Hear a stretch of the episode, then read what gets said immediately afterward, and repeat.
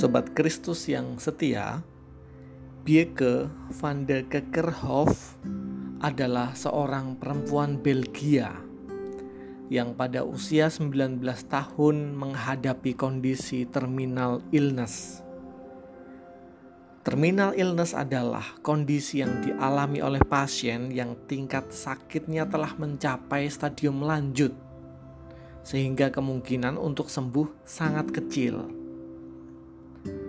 tatkala diperhadapkan dengan kemungkinan kematian yang membuatnya merasa galau dan takut, Van der Kekerhof di dalam bukunya yang berjudul The Taste of Silence atau Mencecap Keheningan, ia mendeskripsikan bahwa terdapat tiga kegelapan, tiga setan yang harus dihadapi, yakni sadness atau kesedihan, anger atau kemarahan, dan fear atau rasa takut.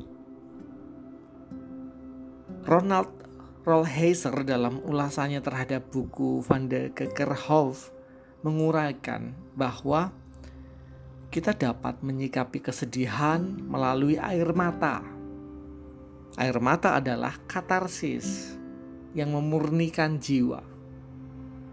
Tuturan luka dan tangisan duka pun dapat menjadi saluran yang melembutkan hati dari kegetiran. Demikian halnya dengan amarah yang juga dapat menjadi sarana untuk melepas rasa sakit dan beban, releasing the pain. Walaupun tentu kita tetap harus berhati-hati untuk tidak sekadar melepaskan kemarahan secara sembarangan, sebab berpotensi menyakiti orang lain. Singkatnya, untuk kesedihan dan amarah, kita tak pernah kekurangan cara untuk menanganinya. Namun, tidak demikian dengan rasa takut. Van de Kekerhof mengungkapkan bahwa rasa takut memiliki daya yang melumpuhkan keberadaan.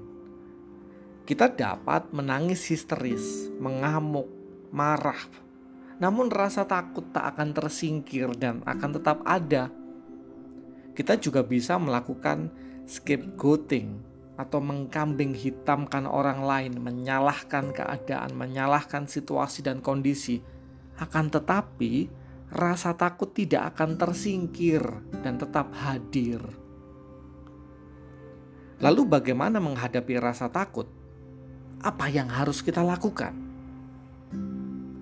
Kita peratapan menyediakan sebuah hikmat yang layak untuk kita hayati.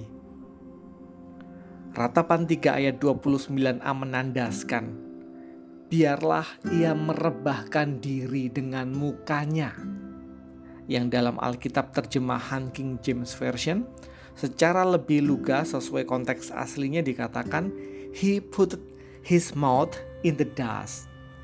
Ia meletakkan mulutnya dalam debu. Apakah artinya?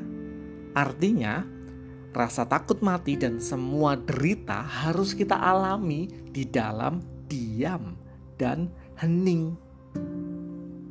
Tunggu dan tanggunglah dalam diam dan hening, supaya rasa takut yang mendera dapat surut dengan sendirinya.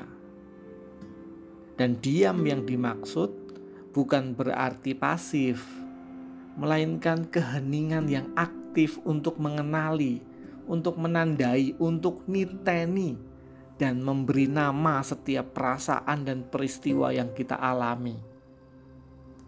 Diam yang dimaksud juga bukan dalam rangka menyangkal atau denial, melainkan demi menyadari keringkihan yang membuat kita dapat bergantung secara total pada kuasa Tuhan. Yesaya 30 ayat 15 mengungkapkan, justru dalam diam tinggal tenang dan percaya terletak kekuatanmu yang pada gilirannya dapat menggulirkan transformasi.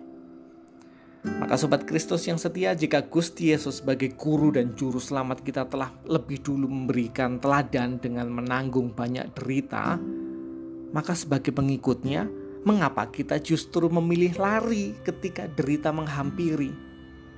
Mari membangun semangat yang sama, yakni semangat menanggung derita dan rasa takut.